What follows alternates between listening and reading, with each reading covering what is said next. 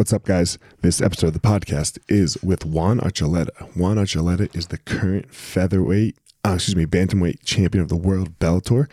And man, what a crazy story this dude has. I had no clue, even though I've met him and hung out with him several times. Like it shocked me, like the things that have gone on in his life and how he is where he is. It was it was just amazing. So uh, I don't want to ruin it. I'm going to let him tell the story. And without further ado, here we go the champ, Juan Archuleta.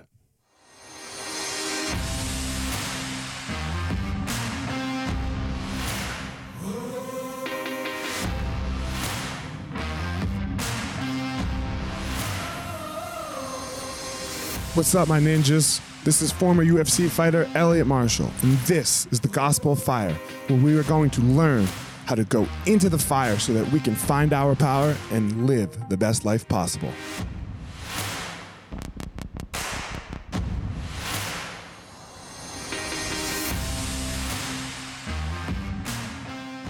What's up, guys? Elliot here. Um, before we get started, I have started a Patreon account. Patreon is a place where you can go to help support the podcast. Uh, I would greatly appreciate it if you are finding it useful. I have one tier right now um, for the first 50 people. You will get all of the short hitters, all of the little inspirationals on Tuesday, Wednesday, Thursday. They're going to move behind the Patreon, so you, you'll have to subscribe to get them and then also a monthly ask me anything and a recipe and a jiu-jitsu technique uh, will all come directly to you. And that's it. So patreon.com backslash elliot marshall. And thank you all for your help. What up champ? What's up elliot? How you doing? Doing good. Fuck man. World champ. Must feel yeah. good. Oh yeah. Feels really good. All that work you put in juan man fuck uh, you know congratulations homie Thanks, man. I appreciate it. Still hasn't really sunk in all the way. It's still like, I guess, until I fight again. But, you know, because with the COVID situation, I can't go and check out the banner hanging at the Bellator fights and stuff right. like that. So it, it, still hasn't kicked in fully. I think it's interesting. Like, I, you know, I, I've talked, uh, I've talked to some other champs, you know, and they're like it never like they said it never really kicks in. Like yeah. you're still just juan archuleta. Yeah exactly. And that's how i go around town seeing some of my friends and then when i show them the belt they like take a step back. They're like oh shit. Yeah. and then they hold it and they talk to me while they're holding it and you just see the empowerment that it has in it and it's pretty cool. It's cool but man. Then, yeah. Yeah. It, it lets people know that anything is possible in my opinion.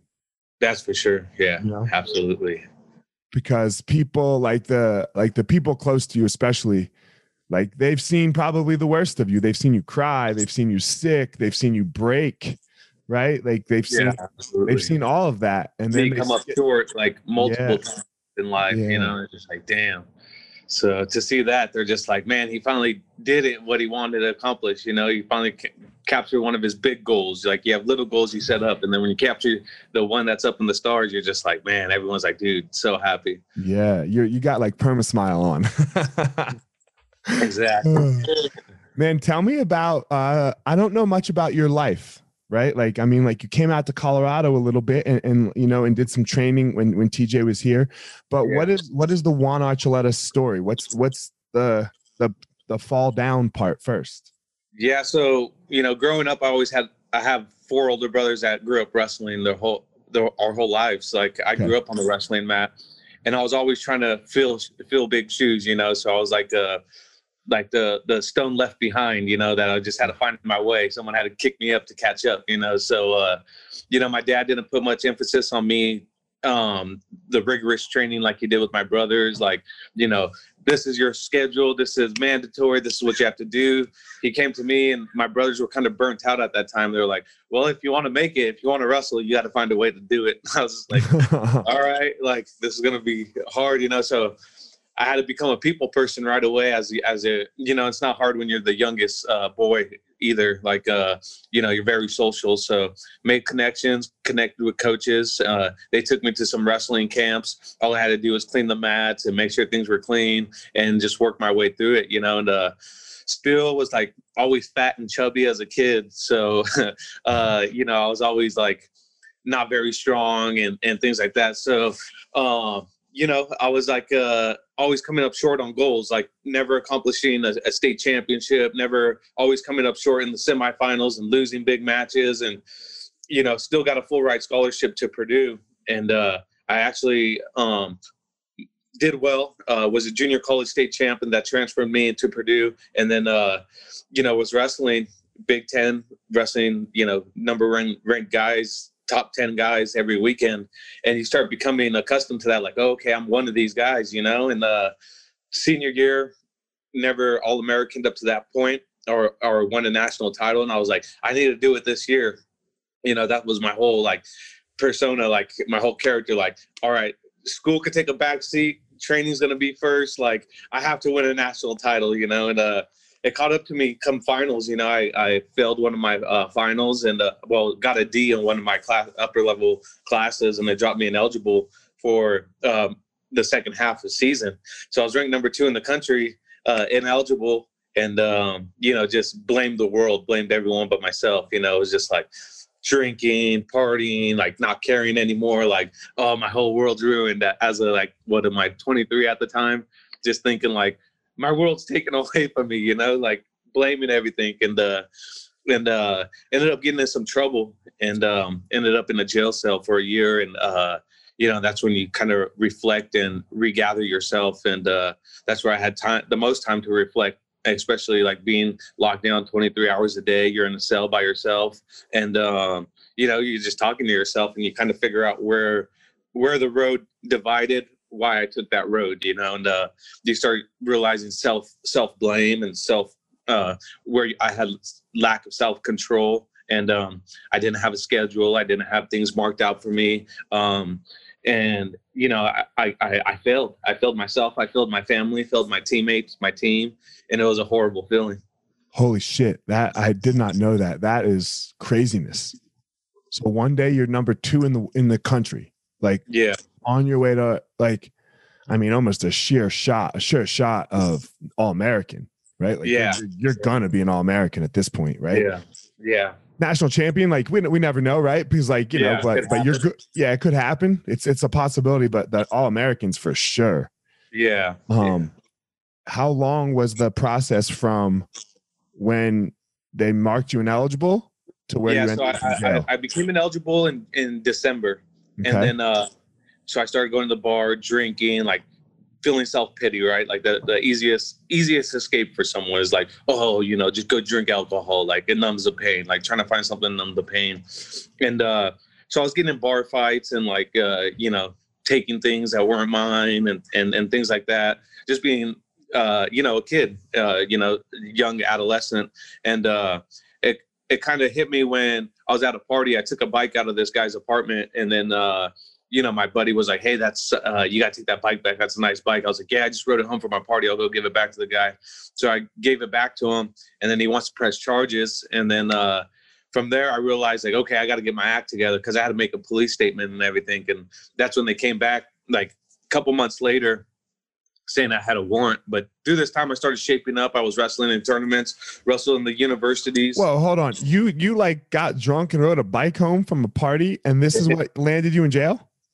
Yeah, this is where it started going into like the guy wanted to press charges because I, I, I don't know what was his deal, but he was like, I don't I don't know this guy. I was like, yeah, I don't know you either. You had a party, dude, like underage drinking. I tried to throw him under the bus, you know. Motorcycle or like, bicycle? Which one are we talking here? Like a bike, like a pedal bike, like a Trek, really Bro. nice road bike. Like, a, are you kidding me? like a thirty five hundred dollar road bike. Doesn't and this happen in every co- this happens every college campus every weekend? yeah, yeah, I know. That's what I oh said. Oh my god. Like, I was like, you know how many stolen bikes there are? You're lucky I brought this back and didn't throw it over the. Dude, tree. I brought it back to you. Yeah. Oh my so, god.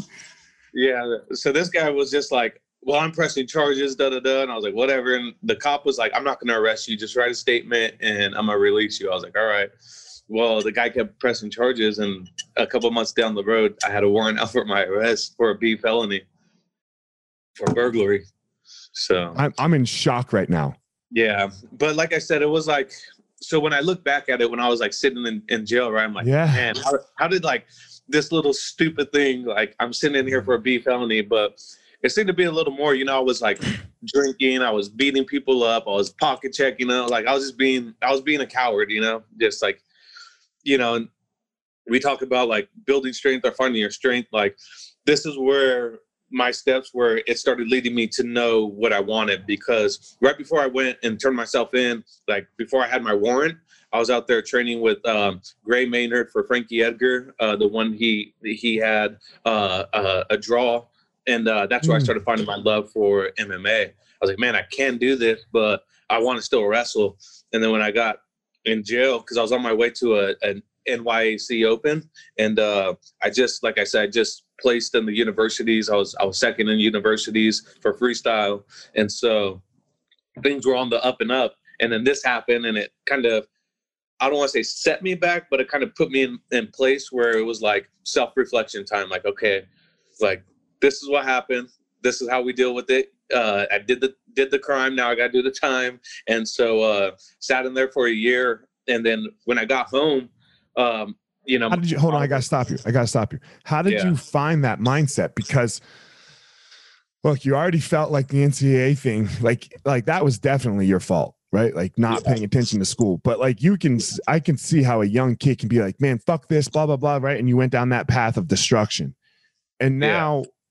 like, I mean, dude, this is the, excuse me, this is the one of the dumbest things I've ever heard somebody getting in trouble for and actually yeah. going to jail. How did you not go down that path again? How, like, how did you not fall? What, what did you change about yourself so that you didn't fall back into what obviously was your natural habit of man fuck the world yeah um it was being in there and listening to people's testimonies uh, at first like the first three to four months i'm in a i'm in a holding tank uh 20 23 hours a day in a cell one day out and uh this is because it, it's overpopulation and and where the populated area is so where have you? a holding tank yeah where and, were uh, you I'm sitting, uh this was in indiana okay west lafayette Got yeah, it. Okay. Or in Lafayette. Um, so yeah, I'm sitting there and uh, you know, during the night you get some of the guys that are coming down off drugs, meth, uh, heroin, and you just start hearing like big bangs on the wall, like people coming down off basically drugs and cold turkey and and uh it's, it, it changes you, you know, you start hearing these different screams and stuff. The, the, the, the CEO's going in there telling them to shut the hell up. And they're like, fuck you, come get me. And so the cops go in there and they, restrain the guy and they don't restrain him nicely you know there's there's some rumbling going on in there and you're just like man just staying up two o'clock in the morning four o'clock in the morning listening to this and you're just like oh man what i get myself into? So you're like oh and you're always keeping hope right? Like i'm gonna be out of here. I'm gonna be out of here in no time. Well when they told me i had a year i was yeah that's when yeah you break down it, it breaks you down a hundred like all the way. Like you forget about what's going on in the outside, what's going on, your stuff, your property, like all that leaves you within three and a half months. You're like, okay. Trump and Biden don't matter anymore, do they? You do yeah, not no. care who's going to win the election. yeah, no, hell no. Or like, who who didn't text you or like right. You know, oh I have this stuff I gotta go pick up like all that shit's out the window you know yeah now you're like okay how am I gonna survive in here like I'm only eating three small meals a day like it's not enough. I'm hungry, you know, and then uh and then when you get put back in population uh with other people, it kind of re reignites your your overall well-being, your soul, because you're around people, you know.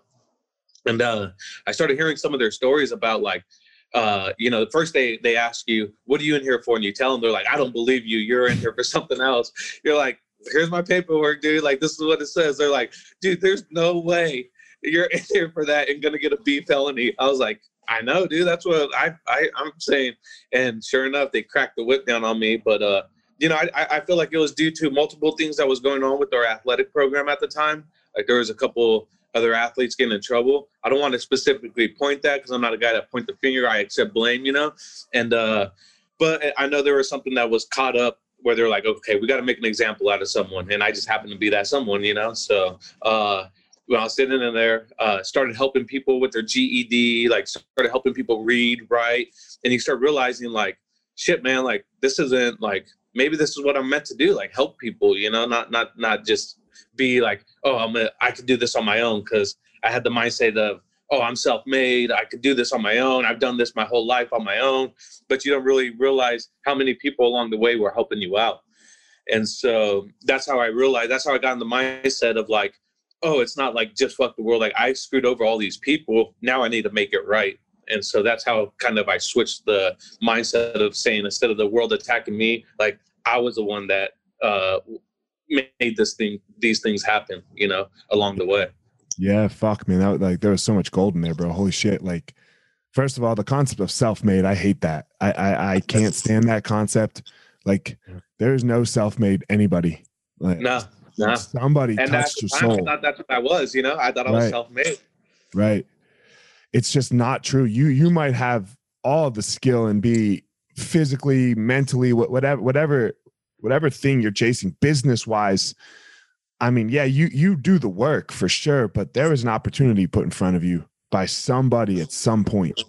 Yeah. So and so yeah. that's what uh you know I I refound my way uh my faith in God uh you know not through the church through myself you know it was just like okay because some people are like oh you're a church go da da da. It's like look at I've I've had experiences. I've I know I I know what I did. Like I told the Lord like Lord, whatever I do when I get out of here, just put the right people, the right opportunity. I promise uh, to walk every through every door of opportunity, whether it be small or big. Like whatever people you surround me with, I know they're going to be there for for a good reason. You know, I know they're not they're not going to be the people to tear me down. And so far, you know, when I made that transition and made that commitment, uh, you know, my life changed. Man, that's such an interesting thing. Uh, how and like obviously like look today you're you're on this podcast with me and like if this isn't some huge opportunity for you right? Like yeah. this is just you know you're talking to elliot and i'm talking to juan and and it's probably not going to make either one of us right? Yeah. like, but but it's the message that we're spreading you know? Absolutely. Message that that like this message right here i think that's such an important message. And you know yeah you, you walk through the doors of opportunity big or yeah. small because sometimes those smallest ones turn out to be the one that like right yeah. Well that's what ended up happening uh for me you know? It was talk like to me. Yeah so they were like okay you could take this to trial. You kind of might likely win but you're more likely to lose this case. I was like so you have to take this plea. And i was like man i don't know like a year is a long time. She's like right but they have a sworn or a written statement from you saying you were at this guy's house and you took his bike. They're like, so in the jury, they're gonna say like, oh, you had no business being there. I was like, it was a party. And then so I went back and I was like, okay, let me let me think about it. And I was like, well, I'm eight months in. I'll have two months left. So I was like, yeah, take the oh. Yeah, I was or I mean I have four months left. Right. I was like, okay. I was like, all right, give me the plea. Screw it. I'll plea out. So God, I hate this though. I hate that that because that's how they get poor people. Yeah, yeah. Right. like I, I, don't know if you were poor or not, you know, but that's yeah, how oh, they yeah, get poor people. Yeah, that yeah, yeah. So I was like, okay. So I took that that plea, and then when I moved back, I was like, okay. An opportunity came up to work right away when I moved. Our opportunity came to transition my probation to California instead of Indiana because now I'm sitting at five years probation. and so I was like, okay, like I just gotta live straight, you know. And I have a kid at the time as well, my oldest son, and uh, my wife picks me up. All I have in my hand is a Bible from the airport. And I go home and she's like, Hey, uh, it was my girlfriend at the time. And I was like, Hey, she's like, All right, ready to go home? I was like, Yeah. And, you know, my son looks at me, he's like, Dad. And I was like, I haven't seen him in a year, you know? And he, I was like, and he's only at this time two years old. And I'm like, Man, how does he know me? That's crazy. Like, I, I knew right then and there, okay, time to shape up and live for my family. So, mm. An opportunity came up to work. I started as a fiber wrap company, and uh, like uh, uh, earthquaking proof buildings. And then uh, I was like, okay, like I'm, I'm just gonna support my family from here on out. And then uh, my brother started an electrical union. He's like, hey, the electrical union is uh, hiring. I was like, all right. So I went and applied, got it. And then, uh, you know, I was just miserable. At night, uh, uh, seven in the morning, coming home at seven at night, like, you know, j- just no comp, no testosterone release at all. Just like, you know, just whatever. I'm coming home, working every day. And then my wife like realizes like, hey, you need to do something with your life. I was like, I am. I'm working. I'm doing this. You know. She's like, no, like you need to go coach or you need to go fight. And I was like, no, like I know where that path's gonna go. You know, and, and it's not gonna be good. And she's like, look, at I promise you. I'm all in if you, if you do this. And I was like, and I was like, okay. How so long was this? This was six years ago now. And I was like, okay, or seven years ago now, because I, I was like, okay, I'm gonna start coaching. So I started coaching wrestling. And then uh, it was a little opportunity for high school. And I was like, okay, I'll do it. And it wasn't even the high school I went to. It was a, a uh, high school that I grew up wrestling in. So I was like, all right, this is like starting the roots. So I started coaching.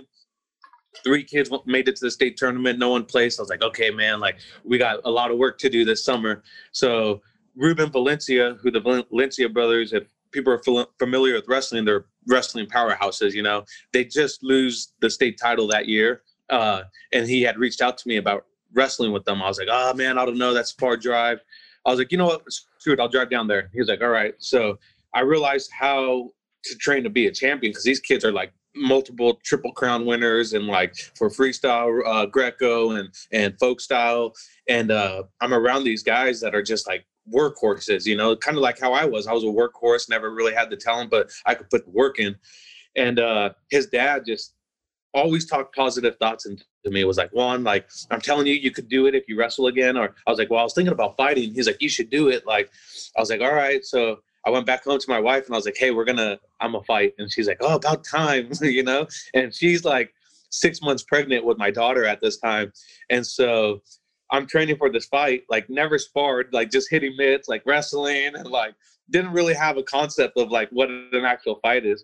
So I go take my first fight in LA at Commerce Casino, and uh, within the first round we exchange, and I get knocked out, and I wake up on a single leg on the fence, and I'm like shaking it off. I'm like, whoa, this is real. Like this dude's trying to take my head off. Like I gotta wake up. I'm all right. Let's do this. So, so I scrap, and I end up like fighting into like a crazy decision, split decision. I might have been unanimous. I think he won the first round. I won the next two, and um, I remember going to wrestling practice that next week, and uh, the coach I was with, he's like, "Man, your family is insane." I was like, "Why is that?" He's like, "Dude, your wife was nine months pregnant or eight months pregnant, just like standing on the chair, like screaming, your dad, your mom, your brothers. I was like, yeah, we're a fighting family, you know?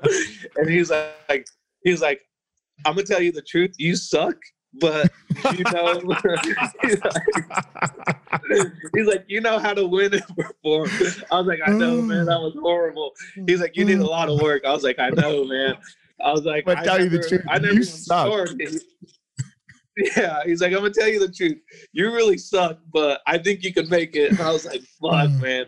I was like, yeah, if it wasn't for wrestling, I wouldn't have known like what to do, you know. So, because it was just like a straight up street fight, like it, that's what it yeah, felt like. Scrapping. Yeah, and the, and the guy that minute street fight. Yeah, exactly. And uh, the guy after told me he's like, man, like the promoter was like, oh, I'm glad you won. I like, I'm, I'm gonna get you a fight. Like, pull the the the oldest promotion trick in the book, you know, for a promoter, because I just fought he tried to set me up. I just fought his amateur champ that was like 15 and one. Right. Like they fed him. And uh now their pro debut, like, oh, let's get this guy. Like he's never fought. Mm-hmm. And so I end up winning. And I'm like, this kid, like, like, oh yeah, the promoter's gonna take care of me. Like, get me a fight, you know. And uh I'm waiting for his call and you know, year goes by and he never calls me. I'm like, dude, what the and I'm texting him like, dude, what the fuck? I want to fight. And he's like, Yeah, yeah, I'll get you, I'll get you on the card, I'll get you on the card. And never happened and then uh, Joe Stevenson lives by me, and I was like, "Hey, Joe, like, I really want to, like, you know, I can't be around out because at this time, uh, he was known for partying. Joe was, and that's why I didn't originally go with him because I couldn't be around that. You know, I couldn't be around people like, like I said, I, I had to make a change around the, my surroundings. Like, you are who you surround yourself with, right? Like that's old saying, like you know, iron sharpens iron type deal. And at the time, Joe was drinking and partying like I couldn't be around that. So uh, when I had reached out after a year after my fight, and I was one to know, and I was like, "Hey Joe, like I really want to train with you." And his wife at the time was like, um, uh, two weeks later was like, "Hey Joe committed to stop drinking." I was like, "All right, like that's cool." And then he, she was like, "Yeah, he really wants you in the gym." I was like, "All right." So I started going and training with Joe Daddy, and uh, you know, he built my whole foundation of like he was able to be smart enough to say, "Okay, we're gonna cheat your jujitsu and just become like a defender. Like learn how to defend. Just learn when someone's going for something. So he's like, you're 28 years old already, so we gotta we gotta kind of speed you up and kind of cheat things to make it look like you're a fighter. I was like, all right. He's like, just find a boxing coach. So my dad found a boxing coach named Zach Padilla, who was more my style because I'm a high output. And uh, Zach had the record for most punches thrown and landed in a boxing fight. I think it's like 2,300, like some some odd punches thrown in a fight. Holy fuck! Yeah, just insane, you know.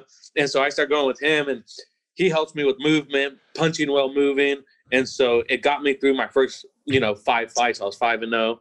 and I was like, you know, uh, even Joe had to had to swallow some of his like back in the day uh, struggles that he's gone with with promoters, like just swallow his pride and say, hey, I need to cut a deal for Juan because I can't get him fights. So Gladiator Challenge was the first one.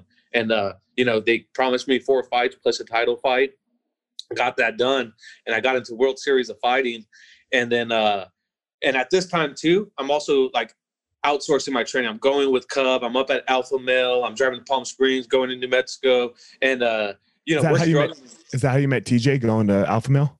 I knew TJ and uh, Chad Mendes and Urijah and all these guys because I, I did my um I was at Sac City for uh, uh, my second year of college. Uh, I was up in Sacramento. I was getting ready to actually transfer into Davis, and uh, we had worked something out where I'd work at um, Urijah's gym and okay. get paid to help pay for my tuition that I needed to make up for UC Davis but I didn't end up going there because Mark left and they were getting ready to drop the program. So I already had a connection with like Joe Benavidez and all those guys there. Got and uh, so I would, you know, go spend a month up there, come back down, train, uh, just jumping on people's fight camps because I was like, Joe was like, look, just go get the most as much experience as you can. Go be a dummy. Go learn how to fight. Like if if if Cub has to fight Frankie, go go pretend to fight like you're Frankie. If uh, Joe Benavidez at the time uh, I forgot who he was fighting, but they're like try to mimic him as much as possible. I think it was um Figueroa, Figueroa uh, or um Figueroa,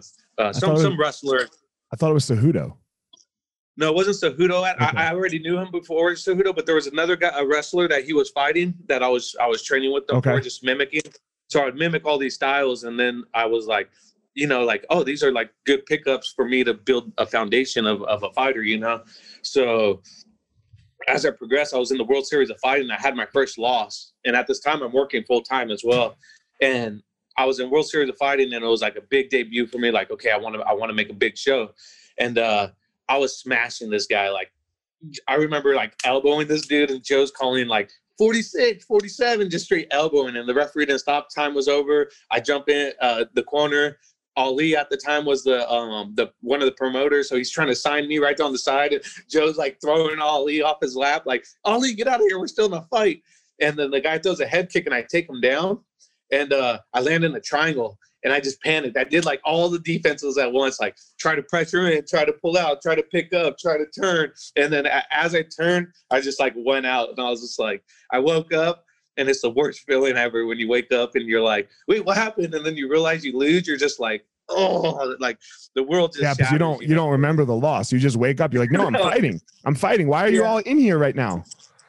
yeah, because like the only thing I remember is picking up and slamming them, and I thought I won. I, so I got up and I was like, I was like, wait, what just happened? And then it sinks in like, boom, like, and you see, because you see the guy like, yeah, like on top of you, and you're like, fuck, dude, I lost. And so that was a big turning point in my MMA career because uh, my dad sat me down after and uh, you know, because my whole goal was I need to go undefeated. You know, as, as, a martial artist, you're thinking like, especially starting up, you're like, oh, no one's ever going to beat me. I want to be undefeated. Well, when you have that mindset, you fight scared. You fight not to lose. You know, and um, I'm not saying I did. I, w- I was fighting not to lose, but it kind of lifted a burden off of me. Like, okay, like I have a loss, like I could deal with it now. Like losing is not the end of the world. Obviously, it's MMA. At this time, there were some champions that had losses that were still champions in the UFC, and I was like, okay, I could do this. Like Dan Henderson lost, and he still had the Pride belt because that's who my idol was at the time. Because I grew up wrestling with his dad, and um, I was like, okay, I could do this, you know. So my dad's like, you have one foot in the door of working and one foot in the door of MMA. He's like, you need to figure out which one you want to do. I was like, yeah, you're right. I'm gonna do MMA. And he was like, you idiot. Like that's not what I was talking to. Like he's like, but if that's what you want to do, he's like, fuck. He's like, you need to figure it out then. Like he's like, because you can't have your foot in the. I'm not gonna sit here and watch you lose because lack of uh of experience, you know. So I was like, all right, I'm going all in. So that's when uh, he's trying to know, talk you into fucking just quitting this dumb shit yeah, and working, and then yeah, you, I'm going the other way, Dad. Fuck. Mm-hmm. And he's like, well, why, why? He's like, well, why are you going to choose that? I was like, look, at, I could work the rest of my life. You trained me to do construction and rest and compete my whole life. Like without competing, I'm not, I feel like I've already went down that route. When I first got home from jail, all I was doing was working. I was miserable. Now I can compete. Now I can feel alive. Like I have something to work for every month or every two months to fight, you know? And that's what some people like. You get in a groundhog day when you're at work, right? And all your emotions, like you shut, you learn to shut your emotions off and you learn to, you're more of a dick. You're more of an asshole to people that you love. And you don't mean to be, it's just, you're in a groundhog day, you know? At least with fighting, What's the point, right? It's the same thing every day, is what you mean, right? Yeah. Like you get up, you know. I think this is for men, especially. Like, in, you oh, know, yeah. I think we need some type of outlet. We are males. We have testosterone, and for the most yeah. part, we need some type of physical outlet that we are getting into, and not just going to the gym and pushing some weight over our head or going for a run. Something with some purpose. Why am I pushing the weight? and why am I going for the run? You know, absolutely. And yeah. that is what gets us unstuck. That's what really fulfills. Um, I can't talk for a, a, a female so much because you and I are not one, right? Yeah. But yeah, I know for me and, and all of the men that I've come in contact with, it's that there's something, a purpose in your life of why you're doing yeah. something. Yeah, Yeah. you for one, you set goals, and if you don't hold yourself accountable for the little goals throughout the day, you're never going to reach that goal. And I see it in my brothers. I see it in people that I grew up wrestling with.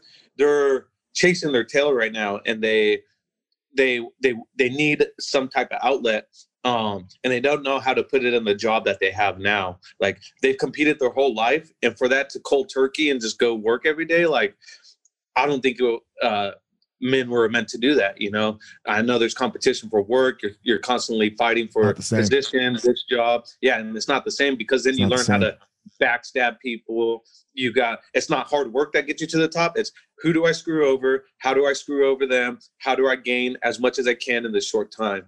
And uh, it comes misery, you know. And this process of finding yourself, like, uh, don't take this the wrong way. I hope, no. um, dude. It's cool that you're the champ, right? Yeah. Like that. That's amazing. But yeah. I don't think you would feel any different about yourself if you weren't, right? You would still have yeah. gone through the process of finding Juan Archuleta and you would still be a fulfilled human um, because it's the process, it's not the results. It, like the champ is awesome, right? I'm sure the champ yeah. is awesome. Yeah. But if you got to say, if you got to choose right now, and the and the choices were okay, you could be a total piece of shit, not know who you are, and be the champ, or mm-hmm. you could be like this this person that you are now good dad good husband know who you are leading people coaching and not be the champ yeah sounds like yeah. you would choose the, uh, the option two yeah absolutely i mean that, that was the deal i made with myself when i left that jail cell like i don't need to screw over people anymore i don't need to con people anymore i could just be myself like and that's right. what my dad raised me telling me the whole the whole time I was in jail, I just heard my dad tell me the whole time, don't ever change who you are to fit someone else's uh, um, happiness. You know, if someone tells you, dude, why are you acting like that? Because that's who I am. Like, yeah, I want, I want to help you out for this camp. Yeah, I want to be there for your fight week. Like, that's who I am. Even if I have a fight in two weeks from now, I'm still going to help you out because that's, I love helping people out. Like, that's who I am. Like, I give a shit less for my fight. Like, being here is what, this is why I'm doing the job I have, you know, and it's, uh, selflessness you know the That's more selfish power. you are uh, i feel like the the more selfish you are the less goals you could accomplish in life the more uh, and the more uh, unselfishness you are the more abundance you have of being happy to see my friends win their fights being devastated when they lose their fights because i lost the fight like when people talk about being self selfish for a fight i don't really agree with it because when I'm selfish, I, am I'm like, oh, I don't care what happens with your fight. Like, I don't even care if you win or not. And then there, what type of teammate are you? Where if you're selflessness, uh, if you're not selfish and you're helping these people out, like you're vested in them, like you want them to win, like you want your surroundings to be good and be strong, you know? Man, I, uh, yeah, because that's all you hear. Like the whole world is selfish right now. Right? Yeah. And it's just, it's not what the human soul needs. We don't yeah. need to like I, I and and I don't want to sound, and I don't I don't think you are either, trying to be like this altruistic person. Like you know, it's all altruism. You know, it's good for you too. right? Like yeah. this, comes down to you. How can I how can I add to another human's life, their experience, their even the 10 minutes that I might interact with them, right? And yeah. I think that's yeah. that, that's this whole process that you're going through and explaining of selflessness. Yeah. Yeah, and so you know, and and then and then not being selfish. This is where it started getting me when I said, okay, I'm gonna quit work and start helping more people out, yep. helping them reach their goals so I could reach mine. So I started coaching more uh, after my loss. Um, I started wrestling more. I started actually spending time with people's camps, uh, and I was able to do that because after my loss, Joe had talked to me. He's like, "Hey, man, like if I could get you to train full time, would you do it and get paid? And I was like, yeah, for sure. I was like, why? What's going on? He's like, I just got this job of being a, a, a MMA consultant on a TV show called Kingdom. And I was like, oh, no way. He's like, yeah, no, it'll pay you like close to $500 a day being there. And I was like, and, but you're going to be there all day. I was like, dude, I'm totally down. Like, yeah. And I get to train all day. Like, perfect. So we, I started being a background on this show called Kingdom. And, uh, it really opened my eyes to um, how how to become successful. You know, I, I already kind of was on that path, but I start like again walking through a door of opportunity. I was like, okay, let me walk through this. I'm still going to keep my job because I was at the union at the time. I was like, I'm I want to make sure this is secure enough because uh, at the time uh, I was family. Yeah, uh, and and my job wasn't very rigorous at this time, so I kind of wanted to coast it a little bit because I could do a week of work and and and and it'll take care of the next two weeks. Like I would just bust my ass, like pulling these wires because I was electrician, like to the end where it needed to be terminated. And then the next two weeks I was off. So I was like, okay, I bust my ass on this. I just want that security. And so once it started picking up and I finished the job at the courthouse, I was like, okay, hey, I quit the union. I'm gonna go full time because this uh this this um this this uh TV show is kicking off. So then and there, was a huge transformation in my fighting style. Um, I was able to be a lot more fluid on my feet, jujitsu, wrestling. I was able to mix things a lot uh, comfortable, and I just signed a huge deal with King of the Cage, which was like a eight fight deal, but they were going to guarantee me four title fights right off the bat. So I was like, all right, like because the guy's like, if I sign you, what are you going to do for me? I was like, I guarantee, and it was just in the spur of the moment. I was like, I guarantee I could win four of your belts. And he was like, What do you mean? I was like, The 35, 45, 55, and 160, because they had a 160 weight class. So I didn't have to bump up to 170. I was like, I could do the 160. And he was like, All right. Like, you're gonna fight for 160 first. And I was like, shit. Like I was hoping he was gonna say like the 45 or 55 pound uh, belt first. So I was like, all right, screw it. So I had to fight this guy Chris Tickle, uh, that was a UFC vet and like on the Ultimate Fighter. I was like, all right, this is gonna be crazy. So I ended up beating him, and then that was like because that was a milestone for me. I was like, okay, I never really fought at 160, but fuck it, I'll do it. Like, and I beat this guy, and it gave me more confidence because he was a UFC opponent or a previous UFC. Yep. And at that time in my career, you're like, oh my god, you this guy fought for UFC, he must be good. You don't realize like they just throw people in there to feed them to the wolves sometimes, you know. Now so, they do for sure. Yeah. 15 so, years ago, uh, no. If you 15 years when there's 20 guys in the divisions, no, that was murder. Yeah, that right? was yeah. that was real that was deal. Murder. Yeah, yeah. Was, yeah. But this was like right when they was trying to switch over, like they're adding more to the roster. They need some guys to like, you know, like right. for instance, for Cub Swanson to just like throttle, like, okay, we're gonna build this guy up. Let's right. let's let's uh, you know, let's just let him throw one to the wolves. Exactly. So it started giving more conf- confidence, and then uh, we were on a break at this time, and then uh, Joe Benavidez was getting ready to fight, uh, or going to be on the Ultimate Fighter. So I jumped in on there, and started getting paid again to train basically because he's like hey i want you to be the wrestling coach or at least so i can have a training partner there. So you know another door of opportunity. We talk about all these opportunities. You start realizing the people that are around you that you're giving to giving your time giving your time away from family and spending with these guys like i say it all the time i spend more time with my teammates than i do with my family you know than my wife and kids because like we're at it hours on on on on end you know daily just training with each other so I'm giving all this time and they're giving back. And you realize like you start realizing the bonding and the the time you put in with someone is they're gonna they're treat people how you want to be treated, right? Because that's mm-hmm. At the end of the day what's gonna happen.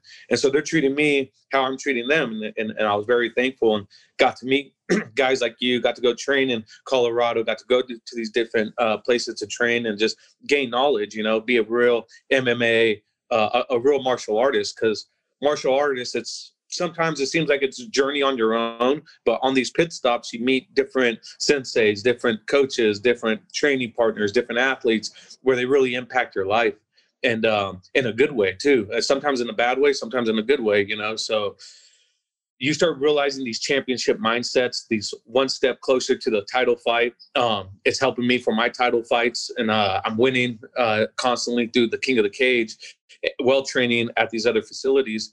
And you start appreciating it more and more, and start realizing, like right now, me looking back in this journey, it's like, man, I can't believe I was like New Mexico, Colorado, Alpha Male, Palm Springs, um, you know, just all these different places, uh, New York training and like stuff you see in magazines, you're starting to see in real life, like the Empire State Building. You start going to all these other locations, like Lithuania, to go fight, and like Russia, and you start realizing, like, man, like there's so much to life instead of staying in the rat race. Like if you're the captain of your own ship, you have so much control of your own own life. And at this time, I had to stay straight at arrow. Like there was no partying after a, a, a, fight for me. There was no like, yeah, let's go celebrate, get drunk, and things like that. And it helped me realize like I don't need a party right now. I don't have to go party and like get drunk or say I'm an MMA fighter to get free stuff. Like I don't want that. My goal is to be a champion and carry myself like a champion. So you start ho- holding yourself accountable and you start eliminate these these possibilities of getting in trouble and you start having more success more success like after a fight say I would have went to a bar and, and, and go celebrated, seen my opponent, he started talking shit like, oh, you you wrestle fuck me, or oh, you ran the whole time. And you're like, hey, fuck you, dude, I'll beat your ass right now. Like you you those are the type of environments you create you create when you do those type of things, at least for me, because I'm a heavy drinker and I'm a competitor, you know, I'm very competitive and uh, I like to talk shit. And uh, so that's I already knew to pull myself out of that situation, you know. You knew so you, you know who you are. Like yeah. some people can do it, right? Like yeah. Like I can like man, like when I when I drink personally, I don't drink very often, but I get like stupid happy. Like nothing makes yeah. me upset. Right. Like I, I I I'm not I don't get the aggressive thing. I get the other way thing. I get like, oh fuck yeah, whatever, blah, blah, blah. Right. so you but but that's me. You know who you are, right? And this is such a man, it, it, it's a it's another amazing thing I think that you're saying here is that you got to know you yeah. Right? You're not saying that this is the path for everybody. You're just right. saying this is the path for you. Right. Yeah. This was my journey. Right. And too often we get in these really hard stuck rules of no, this, right? No, this yeah. for everyone. Where yeah. you're you're just so tuned into who Juan Archuleta is, right? And I think yeah. that's the process that everyone has to do is who who are you? Who are you yeah, what do you absolutely. Yeah, and that's kind of where stems. Uh, okay, so I've seen people, and it was crazy because on the show, some of the guys were getting into the UFC, and they're like, "Why aren't you in the UFC yet?" Like, da da da. I'm like, dude, I don't care to be in the UFC right now. Like, I'm on a journey right now. Like, I'm not in a rat race. Like, I don't want to be in the UFC when I'm. I know I'm not ready, and uh, for that type of competition because I train with it every day, and I get my ass throttled by Joe Benavidez, Lance Palmer, TJ Dillashaw, Cub Swanson. Like they're whooping my ass. Right. Like I have no chance, you know. Like I'm being a realist, you know. So I need more cage cage time. I could fight seven times in one year th- rather than fight three times one year and then get put out of the UFC. So I was like, I'm I'm working on a journey. I'm not working on a race. So that's another thing that I, I highly encourage young martial artists to do. Like don't look at someone's opportunity and say like why don't i have that? Like we're we're filled in a world right now that's saying like well he has this why don't i have it? Because you don't work hard enough or that's not your journey right now. Like enjoy your enjoy the process enjoy the journey. Like this is i'm making a career out of my job. Like i don't want it just to be like uh you know just flashing lights right away. It's like oh look at me i'm in the spotlight. Like that's why my journey is different from your journey. Like, and if you do make it that fast and you do become uh, an Israel Adesanya or like, you know, a Cody Garbrandt where he won the title within 10 fights, like good for you. Like that's, that's, that's his journey. I don't care. Like I'm eventually going to be there, but when I'm there and they're not going to be able to take it from me. Man, uh, you're speaking of this, this thing about getting in the UFC and the journey and rushing it. Make like, man, I, I'm a product of the ultimate fighter and mm-hmm. uh god the ultimate fighter is so dangerous Yeah. In my opinion. Like oh, yeah. the first couple seasons, it was great. It was amazing for people because every you know, because like they were really like they were building the roster, Yeah. right? Yeah. But fuck, man, you tell me the last time the Ultimate Fighters worked out for somebody because Yeah. you're just not ready.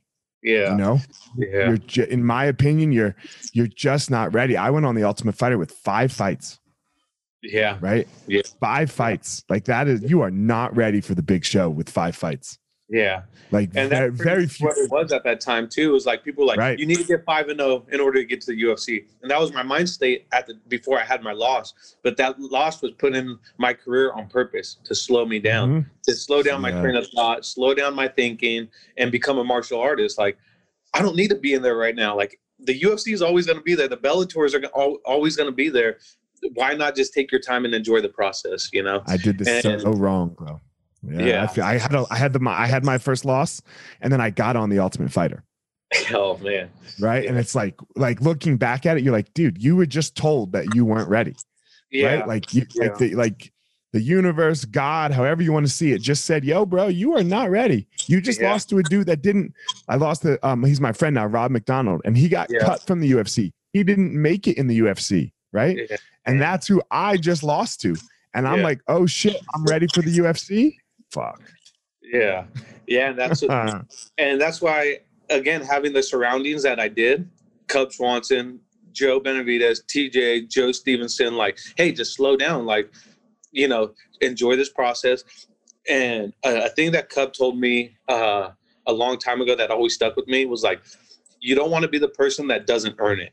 And I was like, man, that's true. Like, I understand what you're saying because I've seen people in wrestling not earn it, get them in this position, and then fail big time.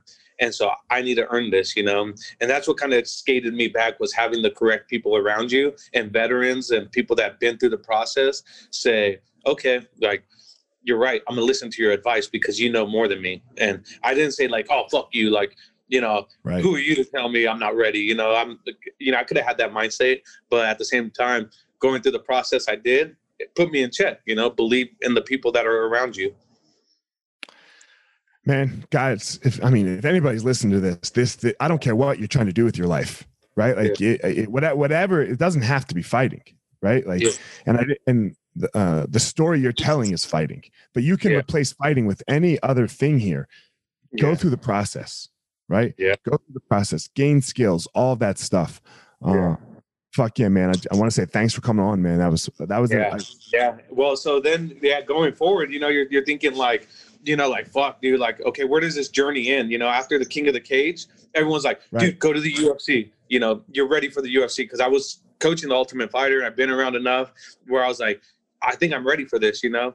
And then, uh, you know, the payment time came and it was like, hey, this is what you're getting paid if you want to join right now. We have an opponent.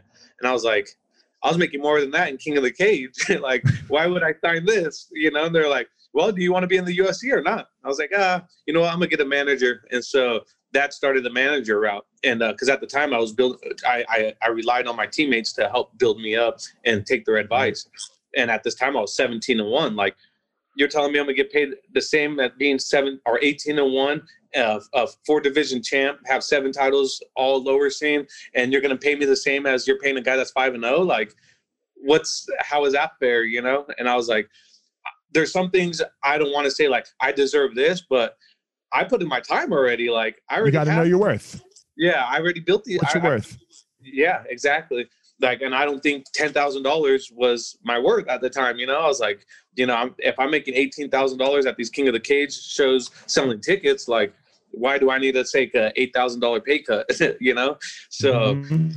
I signed the manager, and that was a fucking process. Like you, you know, it's like politicians. You're dealing with politicians at this time. Like, you know, how can they sell you? Like, look, I already have a bill of goods for you to sell. Like, all you gotta do is put it on someone's table. Well, I found a manager, Tiki Ghosn, who's was a fighter, been in this process, like had good connections, had a good personality, personality like I did. And I was like, okay, like this is this is my this is more me.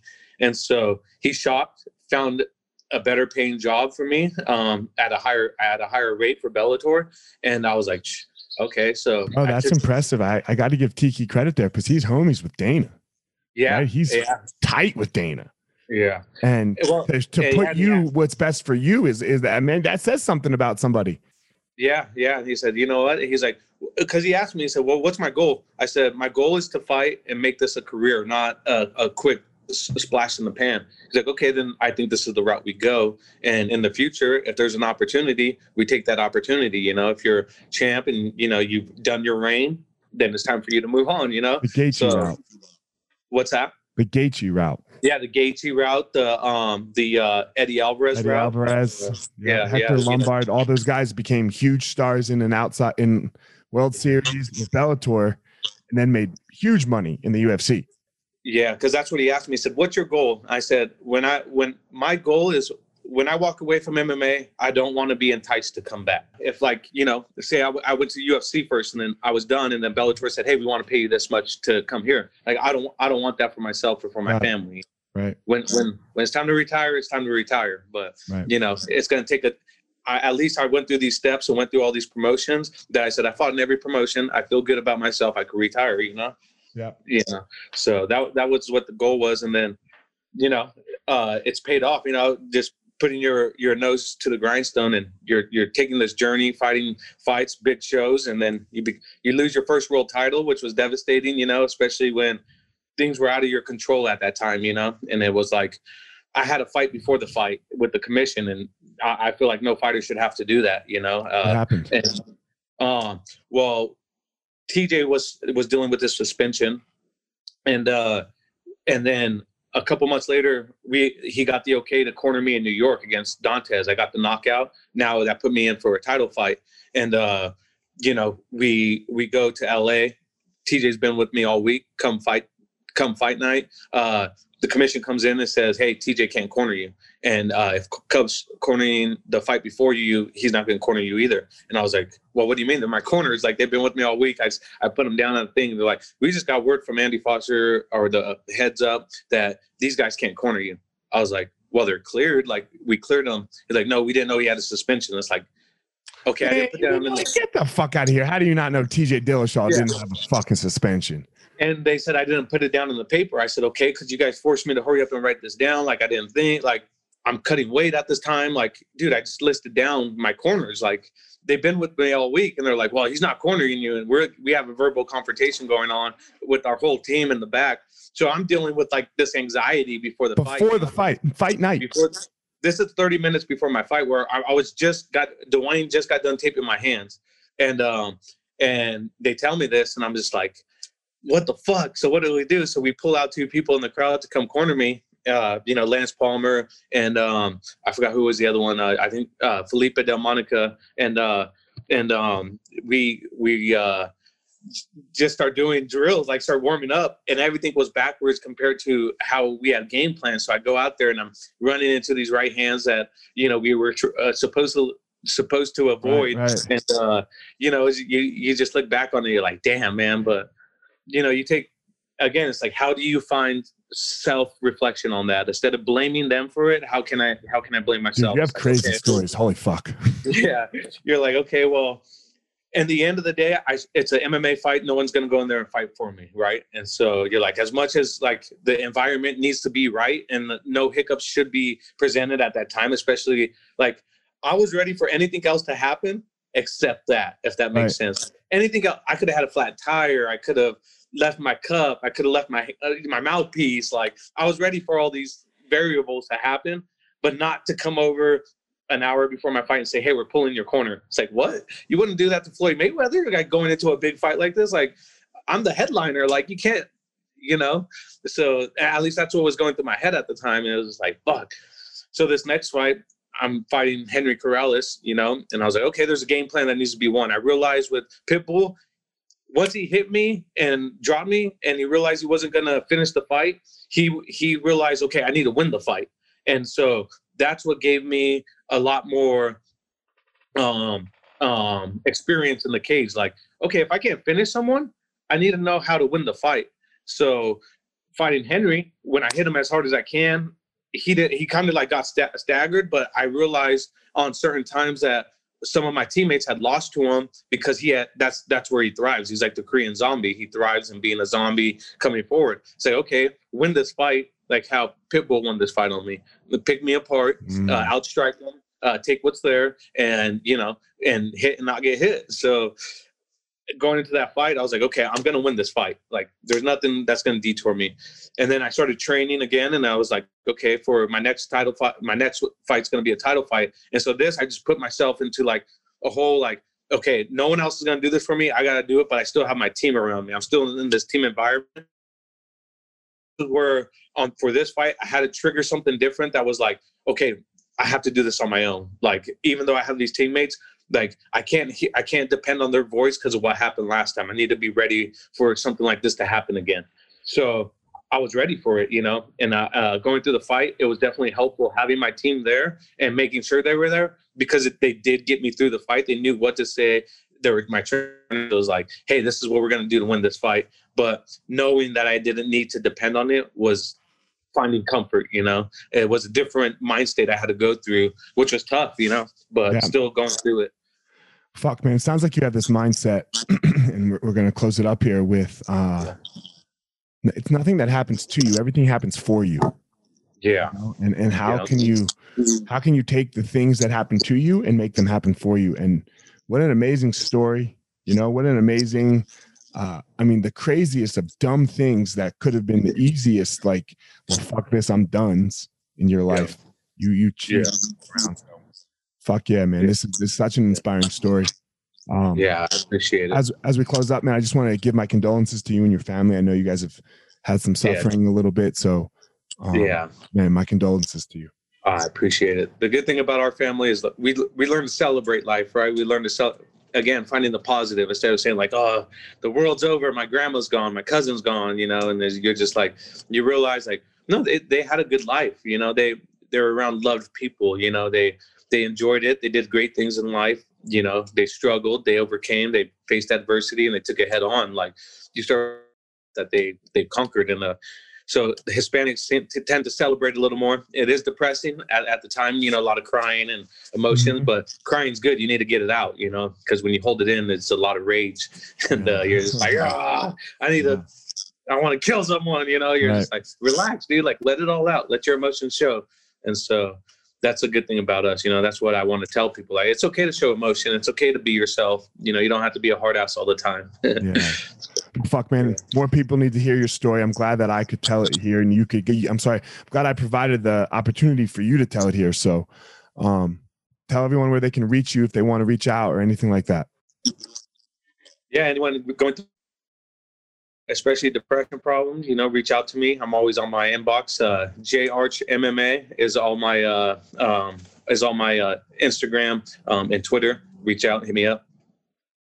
guys as always juan has his unique power i have my unique power please don't go out there and try to be juan archuleta please don't go out Yeah. there and try to be me you go out there and you find your power Amen to that. All right, everyone, thanks for listening to this episode of The Gospel of Fire. If you enjoyed the episode, I'd love a review on iTunes or wherever you are listening to this podcast. Don't forget to follow me on social media at Fire Marshall 205. If you are a BJJ enthusiast, check out my YouTube channel. I put all kinds of instructional DVD uh, videos out on there, so go check it out.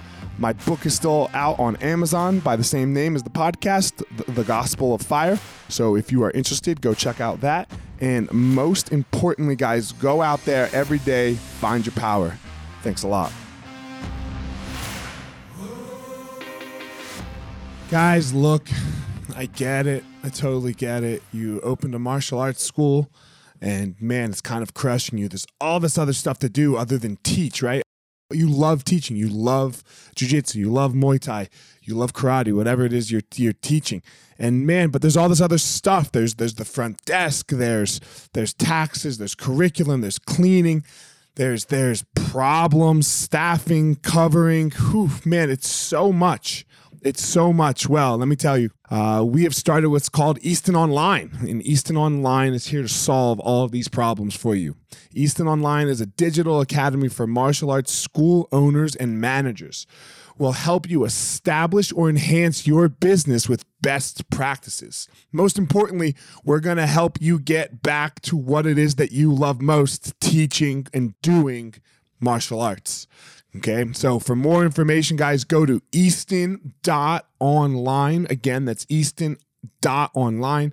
Add your email. You're going to get notified about the course launches. Our first course is going to be all about the first impression specialists, your front desk and all kinds of stuff, special offers, promotions, as well as we started a podcast by the same name, Easton Online, that's gonna talk about our process of how how we went from a tiny little martial arts school to what is now seven martial arts schools, seven Brazilian Jiu Jitsu Muay Thai schools, um, in a very holistic way that we believe um, kept the integrity of the art and also deals with its people very well. So again, easton.online, enter your email and you're to get all you're to get everything you need right there. So, thanks guys.